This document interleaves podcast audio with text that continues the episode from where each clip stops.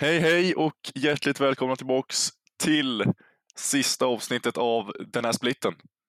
Eh, det, har gått, det har gått jävligt snabbt den här splitten måste jag erkänna. Det var extremt roligt att ha LEC tillbaka. Mycket roliga matcher och väldigt roligt sista, sista veckan av playoffs. Eh, det, podden var mig, Erik Friberg och min kompanjon David Rydan Tjenare! Tjena tjena! Hur, eh, hur har du haft det? Ja, men, eh, jag har haft det trevligt. Eh, bra, bra matcher över helgen här. Playoffs har varit liksom, det har kommit upp till det jag förväntade mig inför. Eh, även om finalen kanske var lite antiklimatisk. Men alla andra matcher var rena, rena bangers. Så det, det är trevligt att ha en så snabb säsong. Det är ju bara intressant med det nya formatet, att det har fungerat så bra som det har gjort. Och det är trevligt att vi faktiskt får se så här hög nivå på League så här tidigt in i, splitten, in i säsongen. Eh, ja, verkligen. Och G2 är ju nu klara för MSI redan och det är väl det är extremt roligt att se vad de kan göra nu för att nu kommer det nog handla om eh, hur de kommer att eh, eh, träna inför MSI tror jag. Eh, men vi kommer in på senare. Idag så kommer vi gå över reflektioner över playoffs den här sista veckan vad vi har sett. Eh, vi kommer att köra lite reflektioner över hela splitten som en helhet. Eh, vilka lag som har bombat ut, vilka som har överraskat oss på ett väldigt bra sätt. Och sen så kör vi All Pro-lag, topp tre på varje position. Eh, vi kör lite silly snack eh, som vanligt och eh, sen avslutar vi med Frix-quiz. Eh, och där i den veckan eh, ska vi bara hoppa rakt in i kanske den här veckans playoffs där G2 som sagt vann eh, väldigt convincingly i finalen och är klara för MSI. Vad såg du? Vad såg man inte honestly? G2 ser ju ut att vara steppet över. Det är inte mycket att säga om det. Eh, förra veckan så gav de ju Koi ganska hårt dask eh, och eh, vi fick ju inte så mycket roligare mot dem i finalen även om vi kanske började plocka det tredje gamet. Eh, de första två gamesen var ju rena stomps. Eh, G2s drafting är på en annan nivå jämfört med resten av Europa. De har ju clearly mer flexibla spelare, det visste ju alla inför eh, inför säsongen också men eh, vissa av de här draftsen som de drar ut mot, speciellt mot oss eh, i finalen är ju inte någonting märkligt förväntar sig när man får se liksom de drar ut Kled Mid och eh, vet det, Jarvan support och liksom det är bara jobbigt att när de har så flexibla spelare att actually drafta mot dem och spela mot dem när de ändå är så bra som de är också. Eh, jag tror att G2 kan vara en decent threat på internationell stage. Jag skulle inte säga att de är några favoriter för någonting än. Eh, jag kan inte riktigt kommentera på hur bra eh, LCK och LPL är just nu. Jag har inte riktigt haft tiden att kolla på dem, men jag skulle nog säga att G2 har en decent chans. Eh, ja, verkligen. Jag, som, om vi går tillbaka till International så tror jag att eh, G2 har en väldigt stor chans att gå långt och kanske även vinna i ett MSI. Där som jag tycker just nu så är det väl tre lag. Det är G2, MS, eller T1 och eh, LNG i Kina som står ut som de tre stycken stora favoriterna i läget nu. Det kan ju såklart ändras med nya patcher och det är, ett bra, det är en bra stund kvar tills MSI och det glömmer man lätt när våran säsong är över. Vi har ju faktiskt en till säsong, att, eh, eller en till split att eh, spela igenom innan det blir MSI. Men som du säger, att G2 vinner på det sättet som de gör också är ju det är ju fantastiskt. Utan de liksom draftar klädd Mid, Jorvan Support och ändå liksom vinner så snabbt och så bra liksom. Det är någonting jag inte hade förväntat mig när jag kom in i splitten överhuvudtaget, att Getlo skulle vara så långt före alla andra lag. Eh, de är bara, alltså de är bara så snuskigt bra just nu. Och jag hade ju förstått om, om de vann över Mad Lions med 3-0 om det hade varit som att de spelar som normalt. Liksom. Eh, för de är så bra på pappret. Men att de gör det på det sättet är ju bara helt sjukt enligt mig. Och det kommer bli roligt att se dem om de fortsätter hålla den här nivån i Spring eller om de går, till, eller om de går för någonting annat där de istället försöker hitta nya saker och försöker träna inför MSI eller vad de har tänkt, för det vet vi inte heller. Eh, men det ska bli väldigt roligt att se och även ett sånt Mad Lions som jag tycker gör en kanonvecka i slutet här. Eh, de har hela säsongen känt lite som ett upp och nerlag. Jag vet inte riktigt var jag ska placera in dem, men nu kan jag ändå slå fast att de är ändå ett topplag för att stanna i, i ligan. Liksom. Att de, de spelar så på så bra sätt och när det verkligen gäller så showar de upp och de visar att de är den gamla Mad Lions från 2021 enligt mig. Ja, Mad har ju absolut inte en dålig vecka. Det är inte som att eh, finalen var aldrig där för att vinna egentligen. Det känns som att eh, det var redan över från eh, när man såg G2 slå Koi ganska hårt. Eh, då, jag hade aldrig några hopp om att vinna splitten, men att eh, vi tar oss från eh, att slå SK ganska, lite skakigt, men eh, vi slår dem ändå och sen verkligen hamra Koi ganska hårt i huvudet. Det känns riktigt, riktigt bra. Eh, Chasey, bara att applådera till den grabben. Holy shit, han har haft en bra split. Eh, speciellt nu efter Stage 2 playoffs har han verkligen steppat upp och blivit typ förmodligen EUs bästa eller näst bästa topp.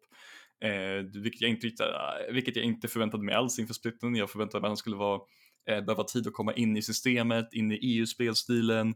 Men han håller sig ganska bra till sina carries, eh, Korean top som brukar kalla det här. Hans Jace är ju förmodligen den bästa vi har sett i EU på väldigt länge, livsfarlig Jace-spelare. Eh, sen så har vi ju, alla andra spelar ju på relativt hög nivå i alla matcher förutom mot G2. Eh, Karsti spelar lugnt och sansat mot eh, SK och mot Koi. Eh, Niski hade ett par riktigt fina games eh, under veckan, speciellt på Gragas som vi av någon anledning bara plockade upp och började spela i basically varje game. Eh, Niski gick för en hel del bomba plays och det fungerade ganska bra mot majoriteten av lag. Eh, Eljoja var tillbaka på ungefär sitt bästa humör, eh, vart väl lite slightly gapped av Jaik i, i finalen men det var ju inte riktigt bara hans fel, det var ju delvis att eh, våra lanes förlorade ganska hårt. Eh, och eh, ja, det finns inte så mycket mer att säga om att vi ser bra ut på papper just nu. Finalen var ganska tung, Carson fick inte riktigt spela. Eh, han var ju väldigt gapped i bott, vilket var lite painful att kolla på, men jag, jag, jag är ganska hoppfull inför nästa split. Eh, jag hade också varit väldigt hoppfull om jag var Mad Lions-fan nu. Eh, men ska vi djupdyka kanske lite in i första matchen den här veckan som var Mad Lions mot SK där det blev en bäst av fem eh, och det gick ju till fem games där Mad Lions lyckades vinna till slut. Men om vi ska gå in i den bästa femmen så sa jag förra veckan att jag tror att det kommer bli den, den bästa matchen den här veckan och det håller jag fast vid. Utan jag tycker att båda lagen spelade verkligen på deras peak eller på deras topp och jag tyckte att de såg väldigt bra ut och de visade väldigt mycket olika eh, strategier som de visade upp. Och jag gillade verkligen det som att i, i eh, första matchen så blir ju, pickar ju Surtur sin eh, Jace som han har haft svårt med och då förlorar de och jag tycker att Surtus när han inte är på Jace är en topp midlaner i ligan vid det här laget. Men när han är på Jace så ser han ut som en helt annan person enligt mig. Vad, vad säger du om första matchen här? Jo, men det är som du säger. Vi satt och, vi satt och kollade på den samtidigt eh, tillsammans och eh, det första du sa när han pickade Jace är ni har redan vunnit den här matchen och eh, delvis, delvis därför vi vann matchen. Eh, Chasey fick ju ha en ganska fri topp. Eh, han fick ha en väldigt bra match i första. Eh, Niski hade inte supermycket impact även om Certus inte hade speciellt mycket impact heller med sin Jace när Niski spelade Sowin. Eh, men vi fick ju lite av en free Eh, vi fick lite hjälp med våran makro eftersom att vi basically inte hade en midlaner att spela runt en del av gamet. Samt att eh, våran botlane kinda bara liksom vann lane mot eh, den relativt passiva extra-kick på sin Varus och DOS på Soraka medan vi spelade Sivir och, eh, Sivir och Karma.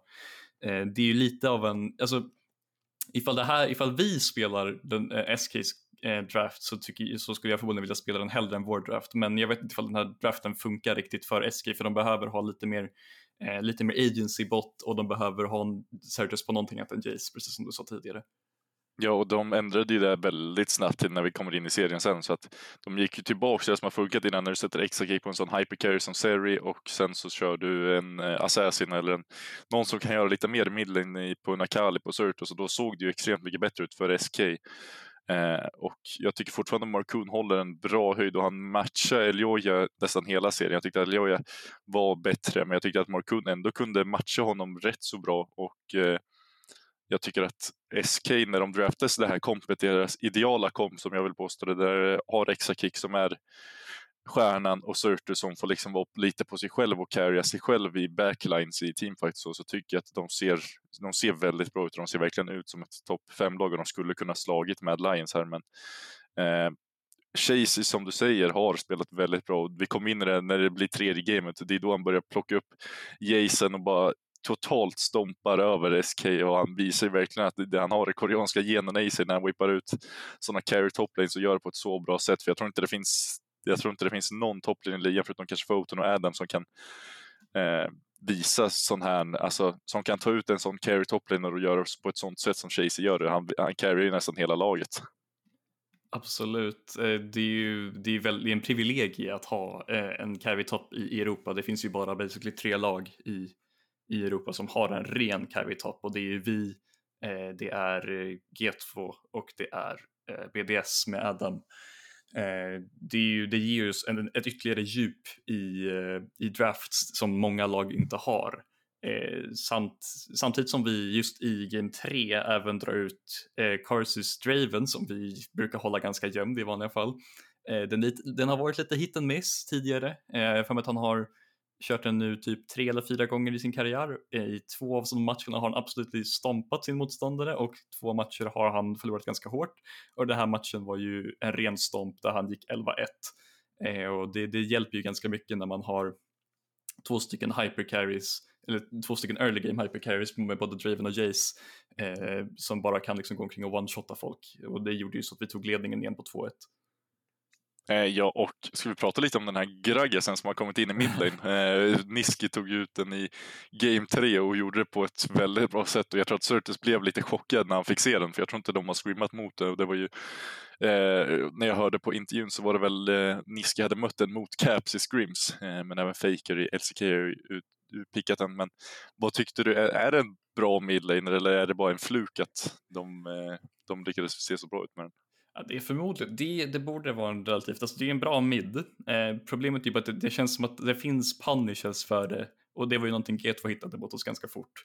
Eh, det fanns punishes men eh, SK var ju som sagt inte preppade på det eh, och sen får man bara hoppa vidare till eh, eh Koi-matchen så var ju inte Koi heller riktigt preppade för det på något sätt. Det känns som att de borde ha läst, eh, läst in sig lite grann på det som att vi började flexa den eh, under matchen mot SK i tre games i rad. Eh, men eh, eh, Gragas är stark, eh, men eh, det finns counters och det visade ju G2 senare. Eh, ja, jag gissar väl att det är Cap som har eh, listat fram några counters. Jag tror inte att Caps pikar en champ utan att ha någonting annat i, i huvudet, men Eh, Game 5, vad tycker du? Jag tycker ändå att det såg rätt one-sided ut. Det känns som att SK inte, inte riktigt var med och det känns som att, att de inte har spelat så många Game 5 heller. Mad Lions har ju spelat några stycken och jag tycker att det lyste igenom. Jag tycker att SK såg lite, inte skakig ut, men de såg inte riktigt comfortable ut i en Game 5 som jag tyckte Mad Lions gjorde. vi försökte ändå vårt bästa med att ge SK en liten ledning där med, med Carsis Tristana och Hillisrell. Det var ju lite intressant det de höll på med i botten. Jag vet att det var lite kritik mot Carsis Tristana som jag förvisso också har. Jag tyckte inte det var den bästa picken i världen men eh, vi, vi, vi closade ut det ganska solidly på 28 minuter ändå. Eh, inte, så mycket kritik, inte så mycket kritik till resten av laget men Carsi du kan ta det lite, lite lugnt med Tristana. Du behöver inte spela den så jävla aggressiv som du gjorde. Nej, men eh, om jag ska vara lite kritisk kanske så är det ju Corsi ändå tycker som borde kunna steppa upp till nästa split. Jag vet att han har varit extremt bra, jag håller han som en bra ADC i ligan, men jag tycker att han den här veckan, han Lando gav lite för mycket, utan han var väldigt bra på vissa grejer, som en Draven till exempel, där jag tyckte han var mm, liksom, han var bäst i laget tyckte jag där. Men sen så ger han liksom en sån här Tristana performance där man inte riktigt vet vad han gör för att det är hopp och animation cancel med flash in i lag och det är eh, positioning som jag vet inte om, eh, vet inte vad och liksom allting sånt. Vi kommer in på det lite senare också. Jag tycker att i finalen så såg det också lite skakigt ut från Carses sida. Eh, men ja, han är fortfarande en topp top ADC, men jag tycker att om de ska vinna Medline så tror jag att Corsi får steppa upp lite för att han är den sista lite pusselbiten som riktigt behöver falla på plats på sin toppnivå för att de ska kunna slå ett G2 enligt mig. Håller delvis med, Corsi behöver definitivt steppa upp, men jag tycker även att Hildesang behöver steppa upp lite grann där i finalen. Jag tyckte inte han gjorde sitt bästa i finalen, speciellt inte med vissa av hans mm, lite mer intressanta pick. Eh, Yumi på 13.1 B. Vet inte om det är the way faktiskt. Eh, men eh, Carsey hade ju definitivt inte en superbra eh, Tristan performance Han inte speciellt, hade en väldigt, väldigt dålig final överlag. Eh, även om han vart, eh, han hade inte så supermycket support under finalen heller. Eh, men jag kan inte bara copa eftersom han är min favoritspelare, han, han behöver också steppa upp.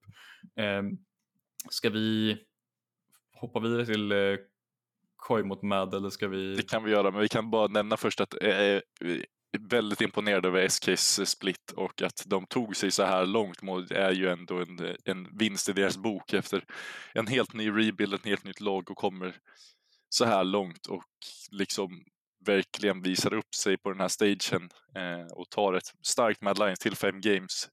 Det bådar gott inför resten av säsongen tycker jag. Absolut, SK är definitivt ett lag som eh, eh, kommer vara en liksom, tuff sak att eh, slå i framtida matcher. Vi hade ju prediktat dem att vara eh, i sin fulla fart i Summer, men eh, de har redan startat så här så ifall de, fortsätter, eh, ifall de fortsätter bli bättre så kan de ju lika gärna vara en challenge för G2 i Summer, vem vet? Det är nog mycket möjligt, men vi kan hoppa över till, game, till eh, match två här då, där det är just eh, Koi mot Mad och det blev en 3-1 till Mad. Eh, där jag fortfarande tycker att Chasey höll kvar formen som han hade mot SK och verkligen visade satte Shigenda på platsen. Shigenda som haft det jobbigt, jobbigt den här, den här splitten enligt mig. Eh, och han verkligen satte honom på plats, Chasey. Och jag tyckte att Chasey var i denna matchen också extremt bra. Absolut. Eh, Chasey fick ju honom att sitta ner ganska hårt. Eh, Shigenda hade ju inte riktigt en chans i basically någon match. Eh, han vart ju ja, första gamet hade han chans. För eh, Chasey på Zion är någonting jag inte vill se igen honestly. Det, var, det märks ju att han har eh, vet du, preferenser för carries och inte för att spela full tank Zion. För hans positionering är riktigt suspekt som en full tank toplaner. Eh, myself. Men eh, alla andra games var han ju absolut elit. Hans NAR game fortfarande riktigt, riktigt bra. Eh, Jace-gamet fick han väl mest damage per minut eller någonting sånt i hela splitten. Eh, för mig att det var det gamet. Eh, så det, det finns liksom ingenting att klaga på. Sen så mobbar vi Shikenda extremt hårt sista gamet eh, i game 4 eh, där Eljoja och Chasey basically permagankade honom så att han basically fick Adam, Adam treatment mot vad, var det inte det var väl det som hände med 1-3 och Finn ja. ja. Det var det. Det var, ju, det var kul att se. Eh, tragiskt för Shigenda och tragiskt för Malrang men eh, jag gillar att se Koi förlora. Så det skadar inte mig. uh, om vi ska se något positivt om Coach så tyckte jag ändå att deras botlane har steppat upp på sistone. Uh, jag tycker att Komp spelar väldigt bra. Uh, jag förstår att han blir frustrerad när du egentligen spelar så pass bra som du gör men din toppsida totalt kollapsar och du bara kan egentligen inte göra någonting för att det kommer en eh, tjej ser på dig eh, som en Arelli eller Jay som bara hoppar på dig och då finns det inte mycket du kan säga till om. Så jag tycker, att, jag tycker lite synd om Compo Trimby som ändå hade en bra serie tyckte jag. Jag tyckte att eh, de ändå höll, de matchade med Lions botlane bra. Jag tyckte att i vissa lanes så vann de till och med och att eh, jag tycker verkligen lite synd om dem för att de förtjänar faktiskt bättre den här serien. Absolut, kom på Trimby var på tillbaka på väldigt bra nivå. Eh, de gappade ju vår bot ganska hårt första gamet, sen så var det mer even resten av gamesen även om de fortfarande hade slight edge. Ehm, men det var ju delvis för att vi spelade ganska passiva lanes med Aphelios och eh, basically insert eh, engage support här för Hyllesang Hyllisang som spelade Thresh, Well och Nautilus. Men Kompo Trimby är, är, tillbaka på riktig nivå och Koi kommer vara läskiga nästa säsong ifall de fortsätter hålla nivån uppe i regular season. Frågan, frågetecknet för mig är ju egentligen bara Shugenda, för Larsen och, och Malrang är också tillbaka på högsta nivå. Larsen var fortfarande på bra nivå under hela splitten egentligen eh, och Malrang levlade upp under stage 2. Och det är egentligen bara frågetecknet Shugenda, ifall Shugenda kan eh, uppgradera sig själv till, till nivån han var i IRLs, eh, vilket jag tycker inte borde vara så svårt egentligen. Eh, om man bara får rätt pick så Koi äntligen får, eh, liksom, får tillbaka för litet för honom.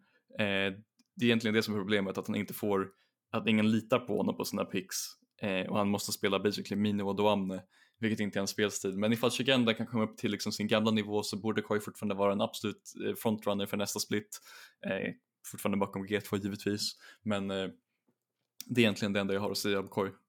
Uh, tror du att problemet med Koi kanske är att de inte vet hur man ska spela runt toplane. Eh, för att jag, som jag har hört det i är det svårt för Shigenda i scrims vad jag har hört att, eh, att de spelar runt toplane utan jag, vad jag har hört så ska det vara lite svårt och att det inte händer så ofta att de i scrims just prioriterar toplane utan eh, att de fortfarande, även fast de vill träna det, så prioriterar de mycket till botlane eh, och Domne sa även också, eh, la väl en GIF på det att eh, first time? frågetecken och det kan ju ha någonting med det att göra att Shigenda inte riktigt får växa ut i den här rollen som en carry toplaner som han ändå var inköpt för att vara. Eh, det var ju det Mad Lions, eller Koi saknade för att ta sig långt i Worlds.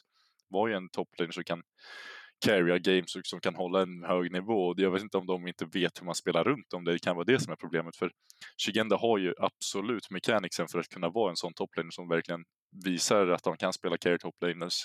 Eh, så frågan är bara om Koi och coach, eh, Koi, Kois eh, coaching staff vet, vet hur man spelar runt en topside. Det verkar ju inte riktigt som det. Jag tycker att alltså, egentligen så förstår jag inte varför de gick för det. De borde egentligen bara hållit kvar Odo som att de vann splitten. Och de behöver inte spela runt tre lanes egentligen. De, de behöver bara spela runt sina två extremt starka solo, eller tre, runt Larsen som en extremt stark spelare och Komp som en extremt stark spelare med. Eh, så egentligen så jag tycker att man ger det en split till, se ifall Chigenda, ifall de kan lösa problemet Chigenda, ifall de kan börja spela runt honom på rätt sätt eller ifall han bara blir en liksom en mer van, carry, vet det, mer van tankspelare så kanske det går att lösa men annars så tycker jag nästan att man borde bara eh, återgå till det som gjorde Koi så bra under 2022. Eh, du nämnde någonting tidigare innan vi började spela in eh, om att potentiellt eh, Koi kanske skulle kunna tänka sig Wunder. Det hade ju varit en vinkel ifall eh, går tillbaka på att spela eh, lite mer passiva lanes, lite mer tankigt. Han är ändå en kompetent tankspelare och kompetent, äh, eh, ja, kompetent halvtank och kompetent tank, mer kompetent bruiser egentligen. Eh, och det hade ju förmodligen löst en del problem för Koi eh, ifall jag bara tittade över det lite snabbt. Jag har ju ingen aning om hur, hur han skulle funka i själva laget Koi, men eh, jag tycker det låter som en idé åtminstone. Eh, ja, och det här handlar ju då om eh, efter vad heter det, mm, spring i så fall, för att eh, det är lite för kort tid nu för att göra några ändringar. Så att har du samma problem när du kommer in till Summer så tror jag att du kanske skulle kunna kolla på en sån som Wonder för att se om vad han skulle kunna bidra med i ett sånt här lag. För att jag tror att eh, just nu så spelar de en, en sån spelstil där Wonder hade passat väldigt bra i. Ehm, så det är ju bara frågan om de adaptar till Shigendas spelstil om de håller kvar vid det här för att eh, då kan jag absolut se en Wonder kliva in och göra väldigt bra ifrån sig. Eh, ska vi bara gå över finalen lite snabbt, vi har ju pratat om den lite men eh, jag tyckte att eh, som jag sa, Kors och Hyllesang hade en jobbig final och var i, eh, jag vet inte vilket game det var men eh, de brände ju Samsen eh, direkt i botlane. Jag tror det var andra gamet där de ändå hade en Eh, jag skulle säga att de hade en rätt bra draft. Eh, Elioja vill fullklia djungeln innan han gör någonting. Eh, botlane i Mad Lions går in direkt och bränner alla sina sums. Eh, han Sama har kvar alla sina sums också. Vilket gör att Elioja måste sluta fullclear och springa bort och hjälpa, eller hjälpa dem eh, ta bort lite pressure ifrån botlane. Och jag tycker att det här är ett stort problem för dem att när Elioja vill göra sin grej så måste han springa och hjälpa botlanen. Eh, och så var det mycket ifrån att Eh, han kunde inte riktigt spela runt andra lanes eller göra sin grej liksom för att, för att botlinen hade lite svårt och lite dålig decision making om du frågar mig.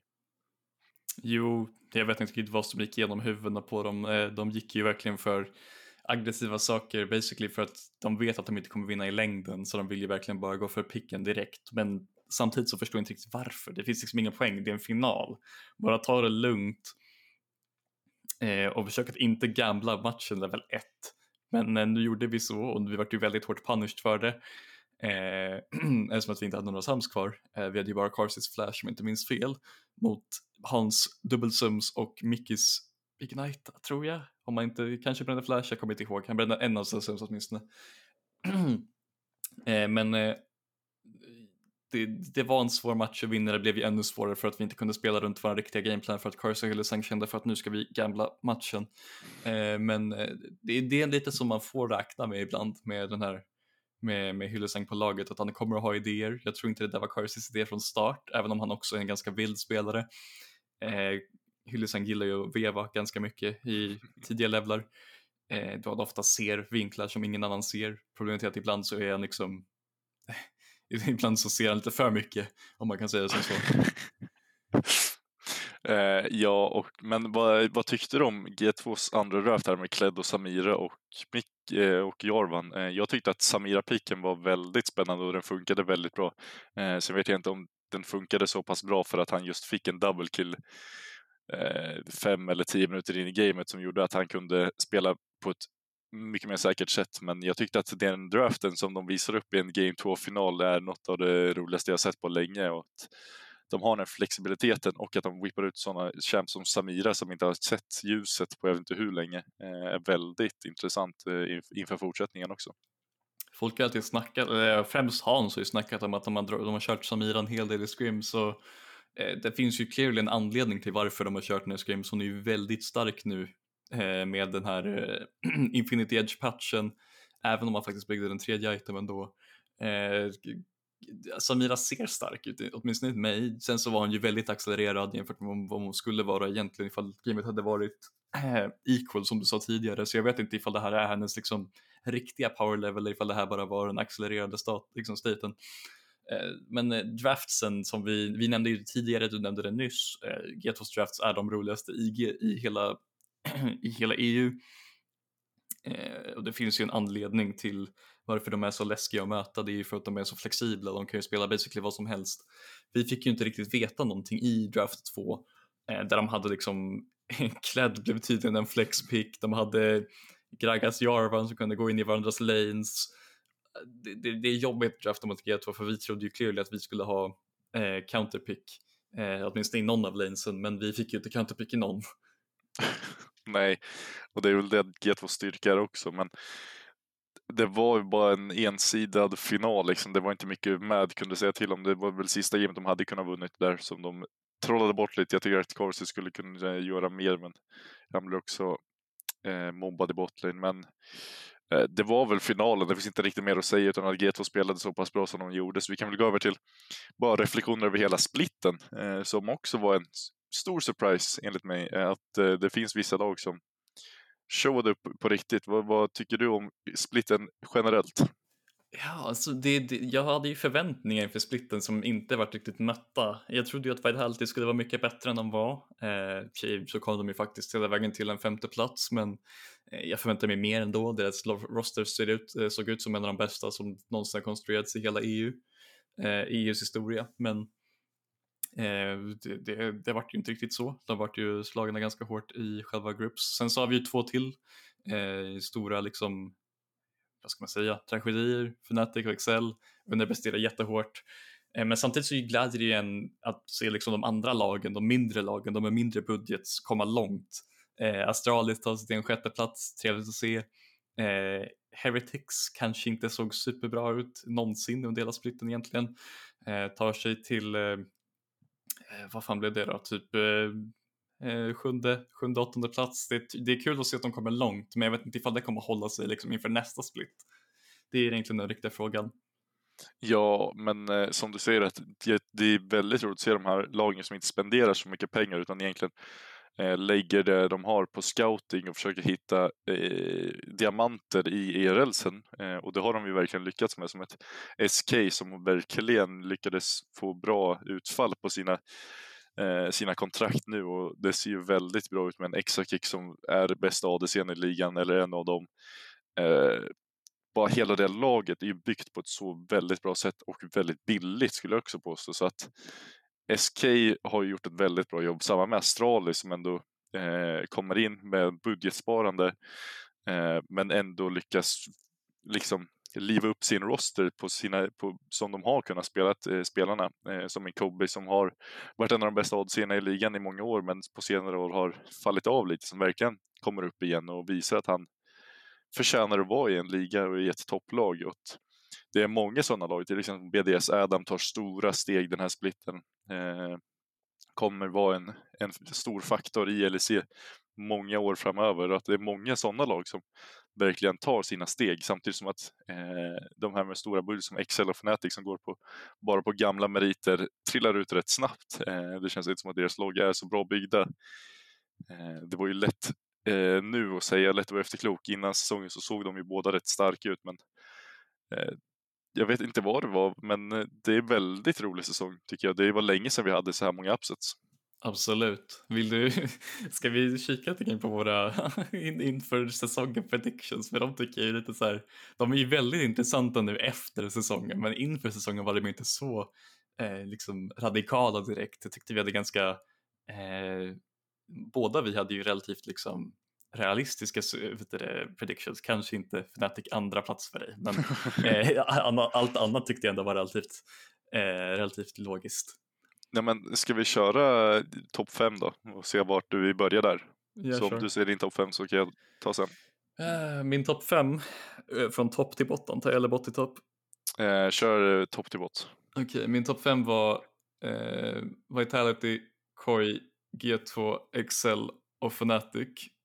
Eh, jag hade Koi först plats, Fnatic, Vitality, Excel och sen G2 på en femte plats. Och Ja, jag, eh, nu i efterhand så, så känns Fnatic väldigt dumt sett, men jag trodde verkligen på dem mer eh, den här säsongen. Eh, men eh, jag vet inte. Det, hade, det känns ju, innan säsongen kändes det verkligen som att alla de här fem lagen skulle ligga där de gör. Eh, och det kändes verkligen som att de hade någonting att slåss för. Men som du ser att två av de här lagen bombade ut totalt. Eh, vad, vad, vad känner du kring din topp 5? Ja, alltså Vitality var ju lite av ett eh, shot in the dark. Jag hade ingen aning om hur, hur eh, själva, eh, vad heter det, eh, synergin mellan spelarna skulle funka, hur deras language issues skulle funka. Eh, och det såg ju bra ut i regular season, men sen så var det ju problem i eh, de längre serierna i bästa av tre sen, eh, där eh, språkproblemen faktiskt blev ett problem, ett stort problem för dem i late game och mid game. Eh, Koi som vi båda hade relativt högt, eh, såg ju svag ut i själva regular season men kom tillbaka till sin, eh, nästan till sin form igen i själva playoffs så det var ju inte en dålig pick av någon av oss. Eh, sen, ja, Excel Fanatic, det är ju det, det är svårt att säga någonting om den lagen för båda lagen såg ju inte så dåligt, alltså de såg ju, det fanns ju problem med båda lagen från start men de var ju inte lika lätta att se direkt från start som de var eh, när man liksom kollar på när de spelar i regular season. Eh, sen G2, jag tror vi båda underestimatade dem lite grann. jag hade dem tre, du hade dem femma.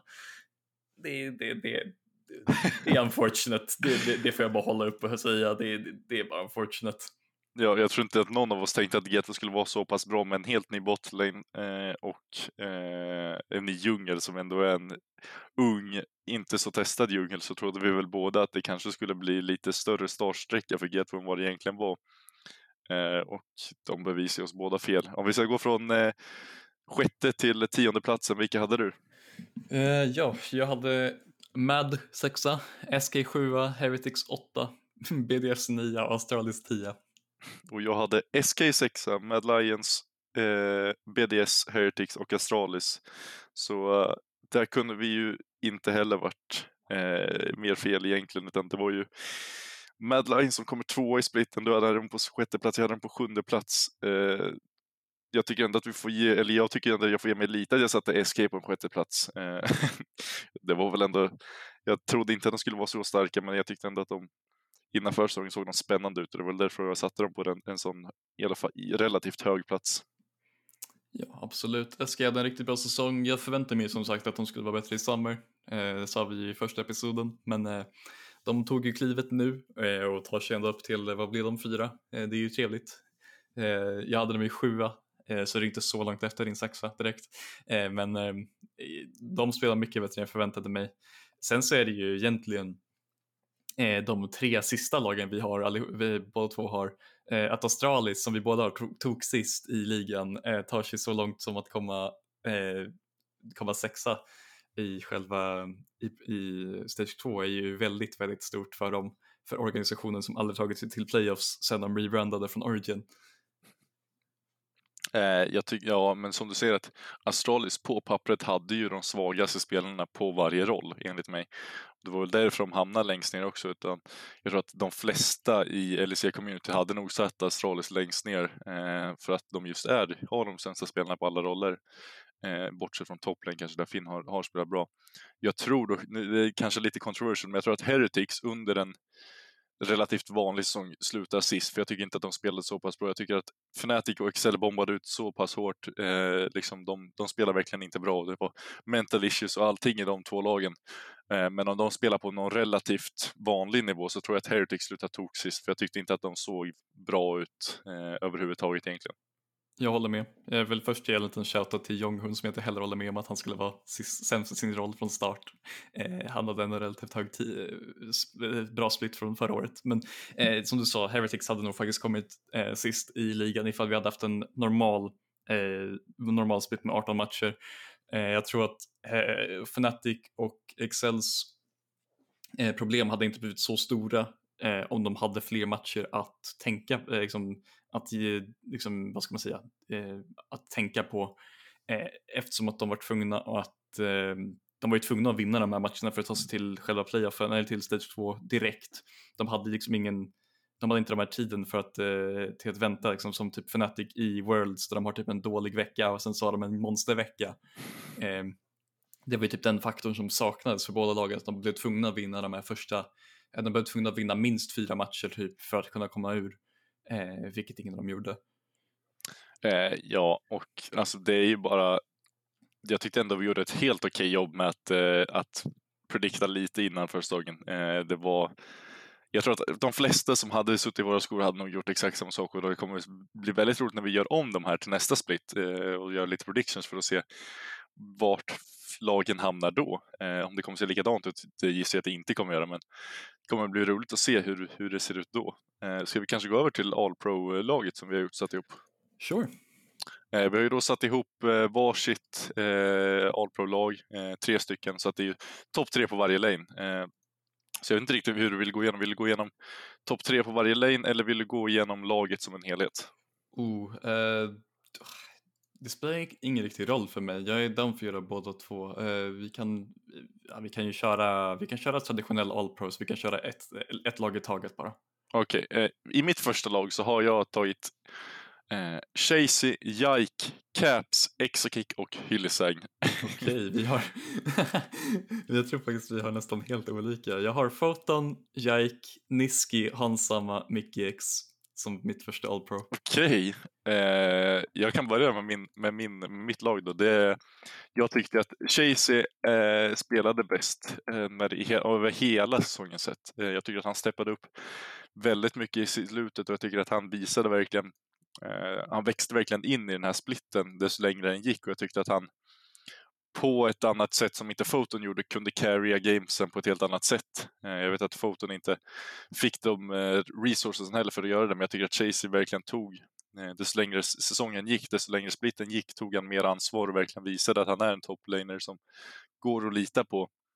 Eh, samma med Jike som eh, vi, båda, vi båda tog in där, att eh, han har bara varit en av de bästa junglersen i ligan och liksom det är extremt förvånande och extremt roligt att vår svenska kompis liksom är kommer in i ligan så snabbt och bara visar att han verkligen är här för att stanna och verkligen är en toppdjungler. Liksom. Eh, samtidigt som jag tycker att eh, andra junglers hade kanske lite off, de var lite ojämnare eh, och det kan ju bero på deras lag också som också var lite ojämnt men speciellt Jaik som höll en bra nivå tyckte jag över hela splitten. Eh, och sen så om jag går över till midlane så eh, kunde jag valt Niske också. Jag satt och dividerade lite om jag tyckte att Niske eller Cap skulle vara. Eh, jag tror att Niska har varit viktigare för Mad Lions än vad Caps har varit för G2. Jag tycker att Niska spelar väldigt bra, men jag, det landade till slut i Caps för att den, den nivån Caps håller och den nivån han behöver hålla när det verkligen gäller är så sjuk. Att han bara kan switcha på helt plötsligt när han, nu behöver vi vinna lägger in ett game som får dem att vinna eh, och sen samtidigt kunna spela runt de andra lanesen också. Gjorde till slut att jag landade i Caps och kanske också lite bias efter finalen där Caps vann mot Niski Lane eh, alla tre games. Sen eh, Exakick och Hans. Jag tycker bara att Exakick har varit den bättre ADC när man ser till hans lag. Jag tycker att det han har fått, det, det han har gjort med det han har, har varit eh, roligare att kolla på och bättre än vad Hans har gjort det han har fått. Eh, jag tycker att bara att Exakick har varit den bästa ADCn i ligan den här säsongen och jag tycker att han, eh, han har växt fram till att bli min favoritspelare i ligan i alla fall. Eh, samma med Hilly som jag egentligen, eh, egentligen borde man sätta Mickey som bästa sporten men jag tycker att Hilly hade en X-faktor den här säsongen som gjorde att Mad Lions tog sig till en andra plats. Ja, eh, det är ju relativt reasonable alltihop. Jag kanske inte riktigt trodde med om att Hilly skulle vara eh, bäst, bästa i ligan, eh, men eh, alla andra kan jag liksom, liksom se eh, casen för då jag har många av dem eh, med i min andra lag.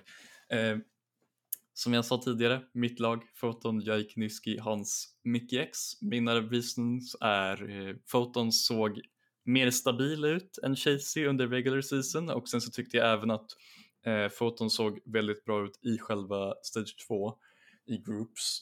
Eh, sen så växte Chasey obviously om honom i slutet av splitten men det är svårt att säga någonting om det för att eh, Foton inte fick chansen eftersom att Vitality bombade ur.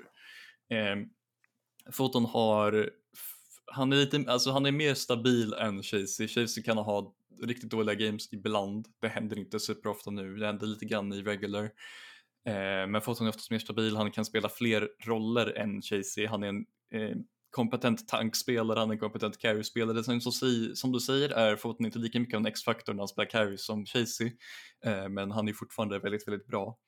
Eh, hoppar vidare till Jike, ungefär samma resonemang som dig, eh, Är fortfarande eh, sjuk, sjukt bra rookie, rookie split för honom. Eh, liknar inte riktigt Elioja från eh, 2021, men eh, för eftersom att han spelar mer carries än vad Elioja gjorde. Eh, men det är väldigt kul att se honom så, så bra redan nu. Eh, sen Niski över Caps. Eh, ja, jag tänker ju Caps var inte alls på samma nivå som Niski under regular split. Eh, sen så tyckte jag även att Niski var bättre under själva groups. Eh, Niski är ju inte lika flexibel som Caps, men han är fortfarande förmodligen näst mest flexibla midden i hela ligan eh, och spelade både carries och facilitators på en riktigt, riktigt hög nivå. Eh, sen så var Caps förmodligen bättre än Niski under hela själva playoff-området, även om Niski spelade väldigt, väldigt bra mot både Koi och SK. Hans över X-kick, ja, eh, egentligen så tycker jag inte det här borde vara en riktig contest. Hans är den bästa AD i ligan och det är inte, det är inte jätteclose mellan de två, i, i mina ögon åtminstone. Tycker inte jag behöver säga så mycket om Hans, han är ju den bästa mekaniska AD vi har i ligan och kommer förmodligen vara en av de bästa AD vi någonsin kommer ha i hela Europa. Eh, han är ju, kommer ju förmodligen vara uppe med, med, med Reckless och resten av grabbarna om ett par år kanske. Eh, och sen Mickey X, ja, eh, majoriteten av folk skulle nog ha honom som sin, sin första support. Han har varit extremt stabil under hela säsongen, eh, knappt satt någon fot fel någonsin. Det är svårt att hitta hål i hans grej. Man kan spela Enchanter som kan spela Engage på extremt hög nivå. Eh, det är egentligen det. Ska vi hoppa vidare till eh, det andra lag laget. två. Det kan vi göra. Eh, i, där jag har foton eh, i djungeln så har jag valt att sätta in Eljoja, i midlane Niski, ADC Hans och support Mickey. Eh, och jag vet inte, jag tror inte jag behöver förklara mycket mer än kanske Eljoja eh, som jag tyckte ändå spelade på ett bra sätt. Eh, men vad hade du för, vad hade du för djungel kanske? För jag gissar att du har som jag på de andra.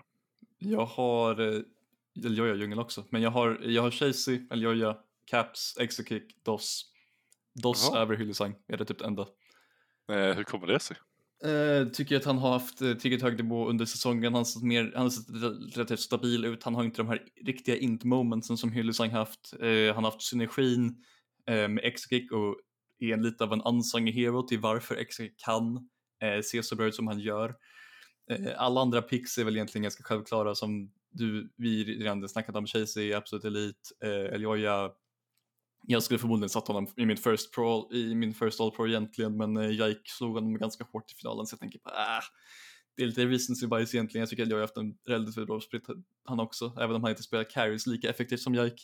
Eh, sen Caps, ja, eh, basically ditt resonemang sen tidigare. Men ja, DOS, mm, jag har bara en feeling egentligen. Eh, Okej, okay. Eh, för jag tycker ändå att även fast jag gillar DOS och tycker att han spelar bra så tycker jag ändå att Hylia har haft en, en spelat bättre den här säsongen. Jag tycker att Hilly verkligen har vaknat till den han en gång var för ungefär två år sedan. Där han verkligen var på sin peak och verkligen spelade extremt bra. Och, men eh, jag hör vad du säger med DOS. Eh, jag håller inte riktigt med, men, men jag förstår ditt resonemang. Eh, om vi ska gå över till sista laget så blir det väl det här mest spicy kanske, för att det här är väl där man lite kan eh, freelansa lite. Eh, ska vi kanske gå igenom roll för roll nu istället? Ja, yeah, sure. Eh, I toppen när jag satt Broken Blade, eh, ah, kanske okay. inte någon större, eller ja? Ja, Adam.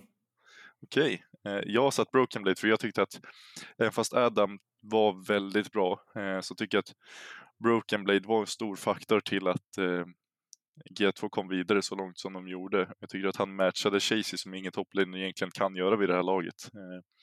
Jag tycker verkligen att han spelar väldigt bra. Jag tycker att han i, om, om vi tar Adam som ett exempel så spelar ju Adam mest för carries eh, och jag förstår att det är det BDS vill ha av honom men jag tycker att Bibi kan spela både carries och tanks på ett väldigt bra sätt och när laget behöver honom att eh, tanka liksom att djungeln måste komma topp några gånger så kan han verkligen göra det och låta laget skina istället eh, på ett sätt jag inte tycker Adam kan lika bra. Eh, jag tycker att Bibi bara en all-around bättre player. Liksom. Jag tycker att han är en, bara bättre generellt. Jag kan nog hålla med om det egentligen att eh, Broken Blade förmodligen är en bättre spelare överlag men Adam har haft en fantastisk flytt. Jag tycker inte att Broken Blade kommer nära honom i, i, i regular season där Adam såg ut som förmodligen den bästa toppen i ligan bakom foton. Eh, och sen i Stage 2 så såg Adam också ut på absolut toppnivå förutom kanske gamet där han vart permagankad av 1-3. Eh, egentligen så är det mer av en liksom eh, respekt, respektgrej till Adam som, en, som, som spelare tycker jag han är fantastisk just nu. Som person kanske inte jag tar så mycket tid för honom överhuvudtaget. Eh, men Eh, Broken Blade är förmodligen en bättre spelare överlag, men Adam är just nu i en, en, typ av form som jag aldrig har sett någon tidigare och ifall han fortsätter spela så här så kan han ju bli en av de bästa topsen vi har i EU liksom genom tiderna egentligen. Ifall han, liksom, ifall han rundar ut sitt game, ifall han slutar bara spela, eh, spela bra på carries eh, så kan han ju bli en av de bästa vi någonsin sett i rollen. Ja, jag tror definitivt att Adam kommer vara med i diskussioner om All Pro-lag framöver också. Eh, I djungeln, vem har du tagit där? Markoon. det har vi tagit exakt samma här. Eh, mitt resonemang med Morkun var i alla fall att man kan gå för en, en sån som Bo och det är väl kanske egentligen rätt i tanke på den regular season han hade där han var väldigt bra karriär, Vitality till många, till många vinster, men jag tycker att Markun på det sättet som han leder det här SK-laget till en eh, fjärde plats eh, är väldigt imponerande. Och jag tycker att även fast han har haft kanske lite jobbiga matcher här och där så tycker jag att när han väl hamnar på, på carries så gör han det bra, även på liksom facilitators där han gör det på en toppnivå i ligan. Eh, och jag tycker att Morkun verkligen har visat att han är en toppjunglare och verkligen kan leda ett lag på det här sättet.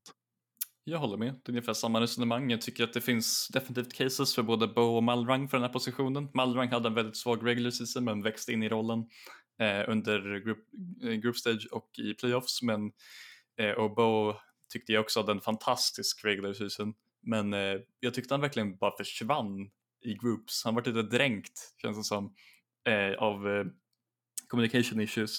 Eh, men Markoon skin, eh, han fortsatte skina. Hans week 1 i regular season var riktigt svag men eh, efter det så har han liksom gått typ från klarhet till klarhet och bara sett ut som, ja, men i, i min opinion, den tredje bästa djungeln i ligan.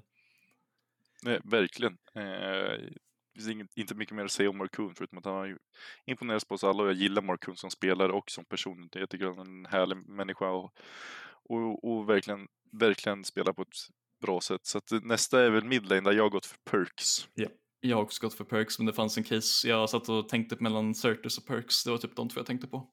Eh, ja, definitivt Certus. Jag tycker att dock att Certus hade lite för mycket eh, dåliga dagar. Hade han haft någon bättre dag, dag här och där så hade han definitivt varit i min topp tre.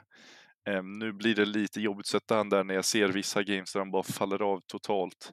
Jag tycker även fast Perks och Vitality åkte ut så tyckte jag ändå att Perks höll en jämn nivå över hela säsongen och jag tyckte inte det var egentligen något game eh, som han spelade på det sättet som Surtus kan falla av. Eh, jag tycker att Perks verkligen hittar tillbaka till den han e-, en gång var. Eh, speciellt under regular season där han totalt dominerade midlane tillsammans med Niski. Eh, så till slut så blev valet rätt lätt när man kollar på helheten att Surtus har haft rätt många off-dagar. Japp, egentligen. Eh, Perks hade ju, alltså jag var ju genuint chockad efter hur bra Perks spelade under regular. Det var inte någonting jag hade förväntat mig. Jag, jag var liksom i, i den delen av communityn som tyckte att Perks började bli lite washed. Och sen så kom han ut och började liksom verkligen veva det hela, hela regular season är förmodligen bästa midden under regular season med Niski. Eh, sen så är det ju synd att Vitality slås ut så, liksom, så relativt tidigt. Hade de haft en liksom, fortsatt, eh, hade de fått slotten istället för SK eh, så kunde det ju varit en helt annan historia. Han skulle kunna vara högre än, jag vet inte, kanske inte en kapsonisk actually, det var ingenting. Eh, men eh, det hade kunnat varit en, en, en mer liksom vattentät case Eh, för Perks, även om den förmodligen är där. En annan, annan shout skulle ju vara Larsen. Jag tyckte bara att han var alldeles för tyst under eh, regular season för att actually vara i, i mina tankar, även om eh, som du sa tidigare, Certus har fler eh, dåliga, liksom, dåliga prestationer än vad både Larsen och Perks har så har Sertus fortfarande haft typ mer carry performance som är, performances som är mer eh, liksom imponerande än vad Larsen har över säsongen enligt mig.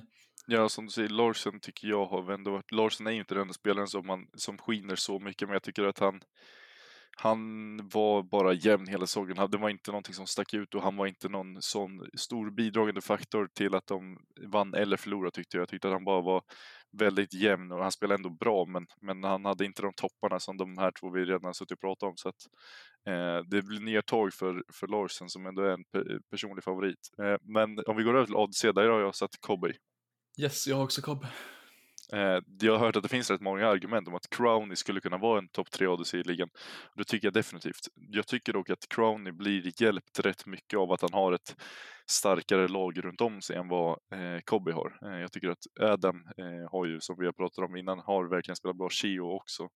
Sen som Nuke har varit väldigt jämn och väldigt bra i midlane. Så tycker jag att Crowny, även fast eh, det finns argument att göra, så tycker jag att Kobe har varit bättre än Crowny. Jag tycker att Crowny inte har haft eh, spelat sådana champs eller spelat på ett sådant sätt där han vinner gamesen solo som jag tycker att Kobe verkligen gör. Jag tycker verkligen att Astralis botlane har vunnit många matcher till Astralis eh, på egen hand. Det är som du säger, eh, Kobe har ju sett liksom väldigt, väldigt imponerande ut. Han har haft extremt många liksom väldigt, väldigt bra liksom solo carry performances, eh, speciellt på hans Lucian har sett riktigt, riktigt bra ut tycker jag. Tillsammans med Jonghuns eh, Nami givetvis. Men eh, det är som du säger, eh, Crowny har mest spelat liksom han har spelat massa Caitlyn, den har sett bra ut, men liksom, han är inte så flashy. Eh, jag förväntade mig inte alls att Kobbe skulle vara liksom så här eh, on it inför säsongen. Jag tror jag hade honom som min sämsta, som sämsta AD i hela LSI inför, split, eh, inför splitten, men clearly är han ju inte det eh, efter, den här, efter den här splitten, där han verkligen har liksom visat upp sig igen och eh, kommit tillbaka till väldigt, väldigt länge sedan, eh, där han var så här bra. Nej, ja, och det, ja, det ska bli kul att se om Kobe kan hålla i det här nu till eh, när vi fortsätter komma in i året. För det hade varit väldigt roligt för vi har ändå en stacked ADC-pool och om de här två adc som eh, åkte ut rätt tidigt, Patrick och Reckless, kan steppa upp till nästa split så har vi ju bland det starkaste vi har haft i ADC-vägar på väldigt länge. Eh, så det kommer bli roligt att se. På support så väljer jag här att sätta Doss. Jag, kan inte, jag tycker att han har varit tredje bästa sporten i ligan. Ja, och här kommer min hyllesang. Det är typ det, är en flavor of the month-grej. Eh, jag tycker att Hilly har, han har haft en väldigt bra split. Han har, han har haft en mycket bättre split än jag förväntade mig. Eh, jag var ju livrädd inför splitten eh, när jag såg både eh, Chasey och eh, Hyllisang adderade till vårt lag. Eh, båda hade inte haft en så här fantastisk förra split. Eh, men Hyllesang har haft extremt, extremt många bra, bra matcher under splitten. Han har visat att han kan spela Enchanters på en bra nivå. Även om han fortfarande har sina eh, intressanta moments ibland så är det ju fortfarande, det är, liksom, det är bara någonting man får, man får liksom lära sig att gilla med honom. Eh, det vet ju du ganska mycket om som Fnatic-fan eh, och jag börjar lära mig nu som Mad-fan.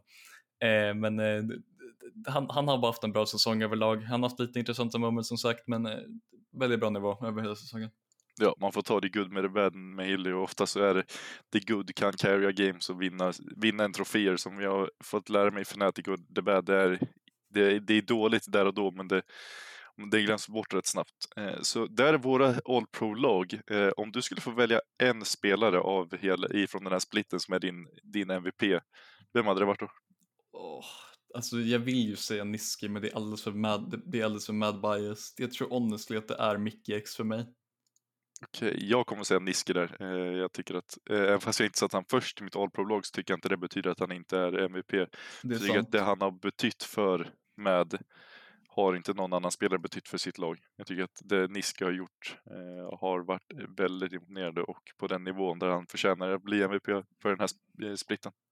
Det är sant. MVP betyder ju inte bäst spelare direkt, det betyder ju mest eh, viktig för sitt lag och hur, det är Niski som gör så att vi kan spela som vi gör ungefär.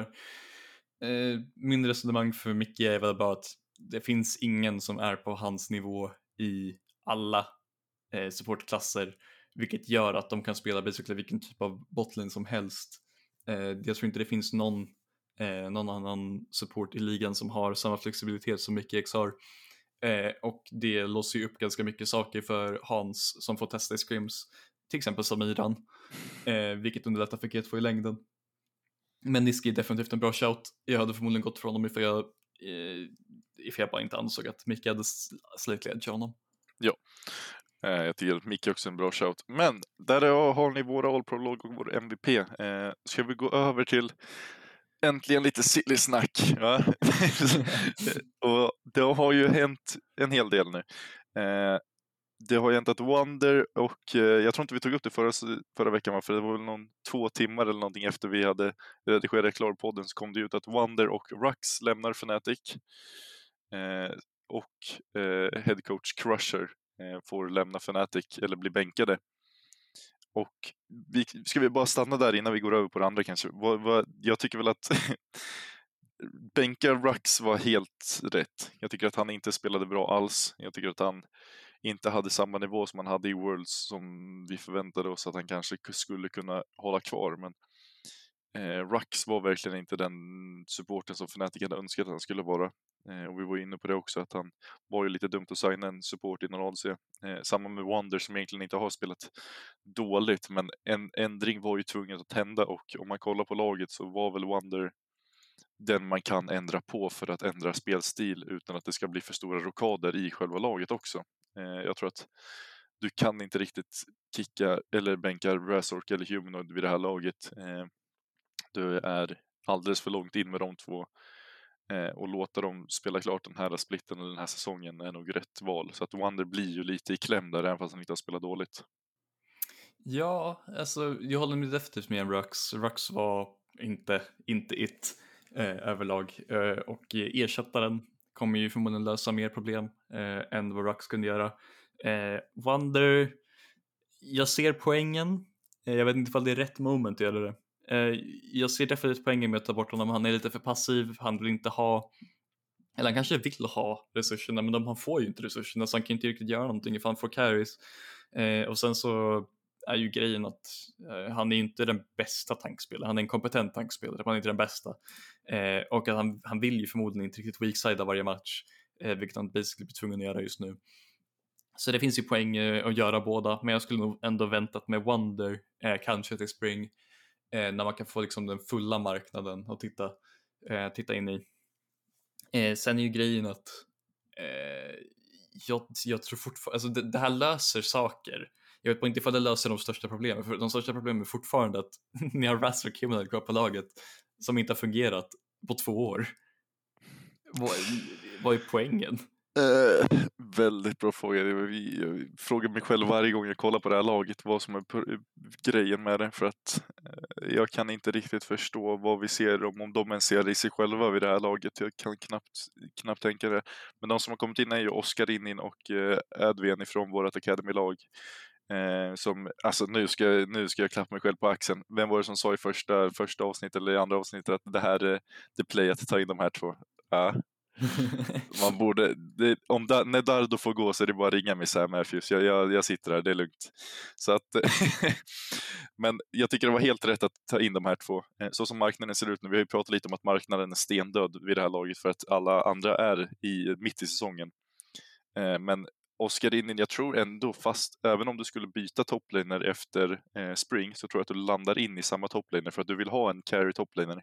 Och då är Oskar In en väldigt stabil och väldigt bra eh, carry toplaner. Eh, han har mycket att jobba på. Eh, jag säger inte att han är klar eller spelare, han har definitivt väldigt mycket att jobba på. Eh, men jag tror att om du ger han spring så kommer han verkligen kunna utmana om eh, eller så kommer Fnatic verkligen kunna utmana om någonting i Summer. Eh, jag tror att om du ger honom lite tid bara, låter han komma in i LEC, låter han scrumma med laget, låter han träna, eh, låta coachen få utveckla honom eh, och liksom ja, men utveckla honom till den, den spelaren de vill ha så tror jag verkligen att han kan bli en topp top laner i ligan eh, till slut. Eh, jag vet inte hur lång tid det kommer ta men jag tror, tror stenhårt på Oskarin eh, och jag tror verkligen att han är ett move jag hade kanske kunnat haft kvar Wonder en split till som du säger, men jag tror att eh, det är bra att ge honom en split, för jag tror inte vi kommer kunna utmana hur som helst nästa split. Så då tror jag att ge Oskar in lite tid eh, kommer verkligen gynna honom och laget på ett väldigt bra sätt. Eh, och jag streck, eller efter att eh, de annonserade att Oskar in kommer in så streckkollade jag eh, hans ERL-matcher. Och, eh, han spelar väldigt bra. Problemet med Oskar in är att han Eh, vinner lane, spelar väldigt bra i lane, vinner lane, eh, sidelanar väldigt mycket och hittar liksom fel timings med att groupa med laget, det är det jag kan säga. Eh, han vet inte riktigt när han ska komma och groupa och vilken, lane, eller vilken, vilken wave han ska pusha i sideline för att det ska vara när han, för att den ska bouncea tillbaks när han kommer tillbaks. Eh, och där är en sån som Reckless till exempel en väldigt bra eh, eh, vad heter det?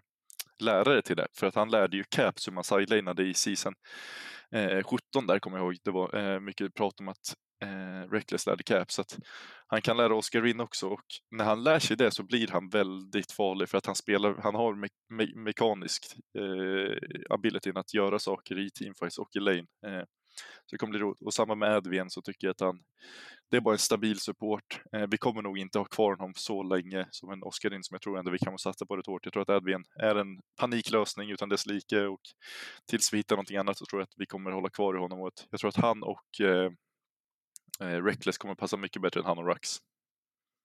Ja, eh, det hoppas jag verkligen att det ska göras. Eh, för att eh, jag har inte sett jag har inte kollat speciellt mycket LVP personligen så jag har ingen aning om hur Oskar egentligen spelar. Jag har sett hans stats, eh, har har sett att han spelar mycket carries vilket ger er en ny aveny att titta på.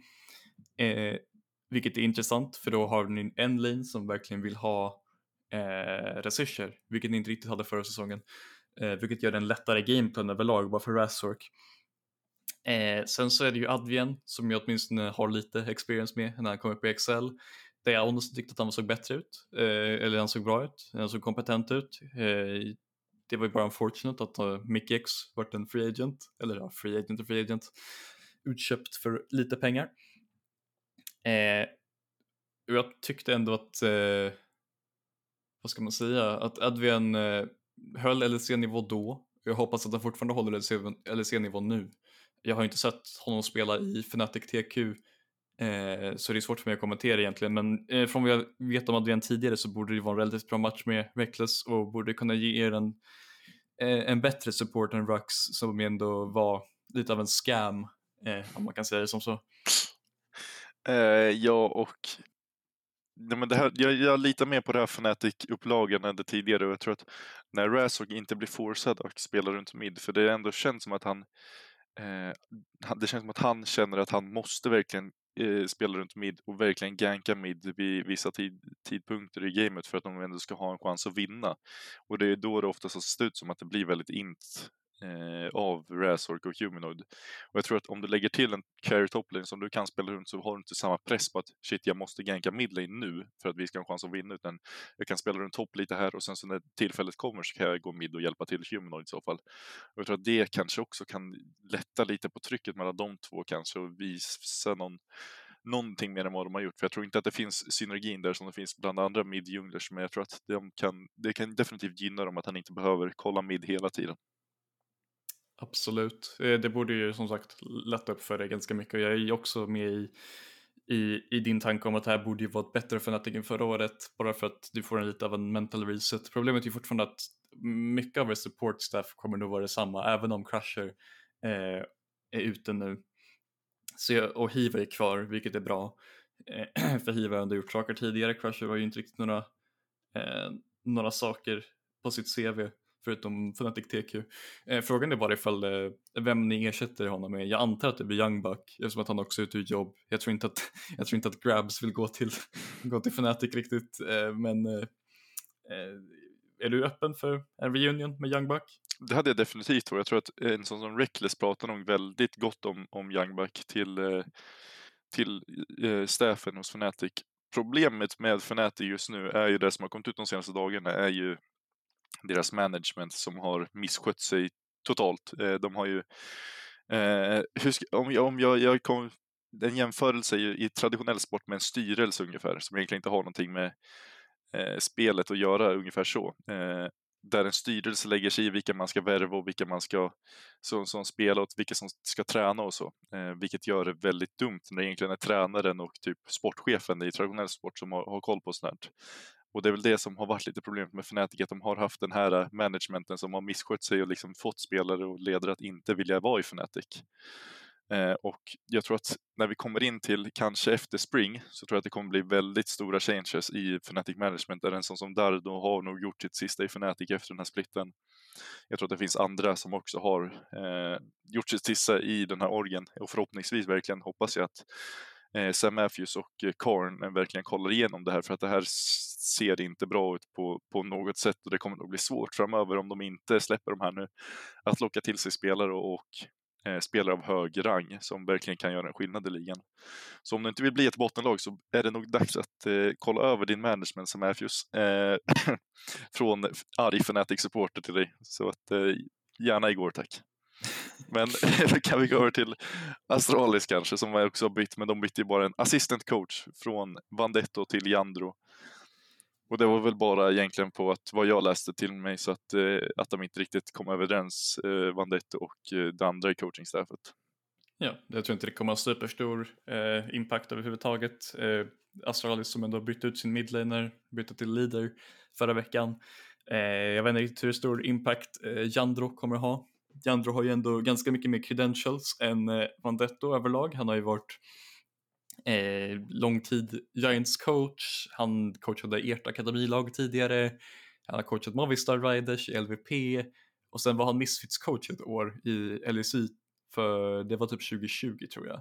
Eh, så han har ju ganska mycket, liksom clearly ganska mycket experience överlag. Frågan är bara hur mycket han kan göra för eh, Astralis och, och om de kan göra, bli bättre via den här nya assistentcoachen. Ja, eh, det var väl det. Har vi något mer silly-snack? Jag tror inte tror det. det. Eh, det, vi, får, vi kommer ju komma tillbaka till det här framöver i så fall. Eh, vad som kommer hända med Fnatic-coachen är ju inte riktigt klar än. Så vi lär väl få, lär väl få prata om det. Eh, nästa, sista punkten. Fricksquiz. Fricksquiz. Som vanligt söker vi spelare, fem ledtrådar, eh, poäng och sen så neråt. Eh, nu har jag tappat bort lite poängen vad du har. Du har väl runt 15 poäng va? Eh, jag tror jag har någonstans där omkring ja. Ja, vi får gå tillbaka och räkna till nästa avsnitt. Det här är ju katastrof. Men eh, då kör vi då. Eh, vi, vi söker en spelare då. På fem poäng. Våran spelare är mest känd för sin Heimerdinger. Okej. Okay. Det finns ett par Heimerdinger-spelare jag kan tänka mig. Jag har en i huvudet. Okej. Okay. På fyra poäng. Våran spelare har slagit ut RNG ur Worlds. Är en aktiv spelare? Måste det vara en aktiv spelare? Eh, nej. Då har jag en, nej. Jag har han, har ju, han har ju spelat LSI, det är, det är ju reglerna, att han ja, har spelat i LSI någon gång. Så att, jag tänker det va, jag, jag har för mig att den här grabben är ganska känd för sin Heimerdinger. Okay. Så jag tänker, jag tänker låsa in min på min eh, på fjärde här. Okej. Okay.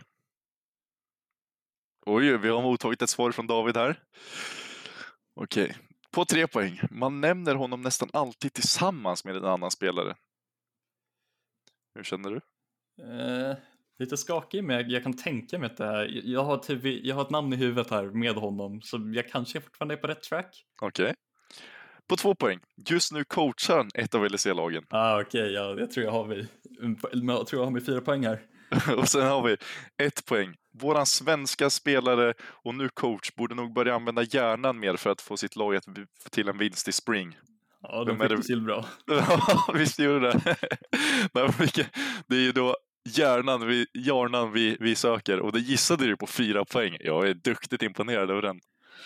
Kan minnas, eh, jag har för mig sett ett par Heimerdinger highlights av honom av någon anledning.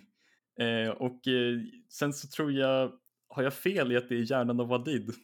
Det har du på.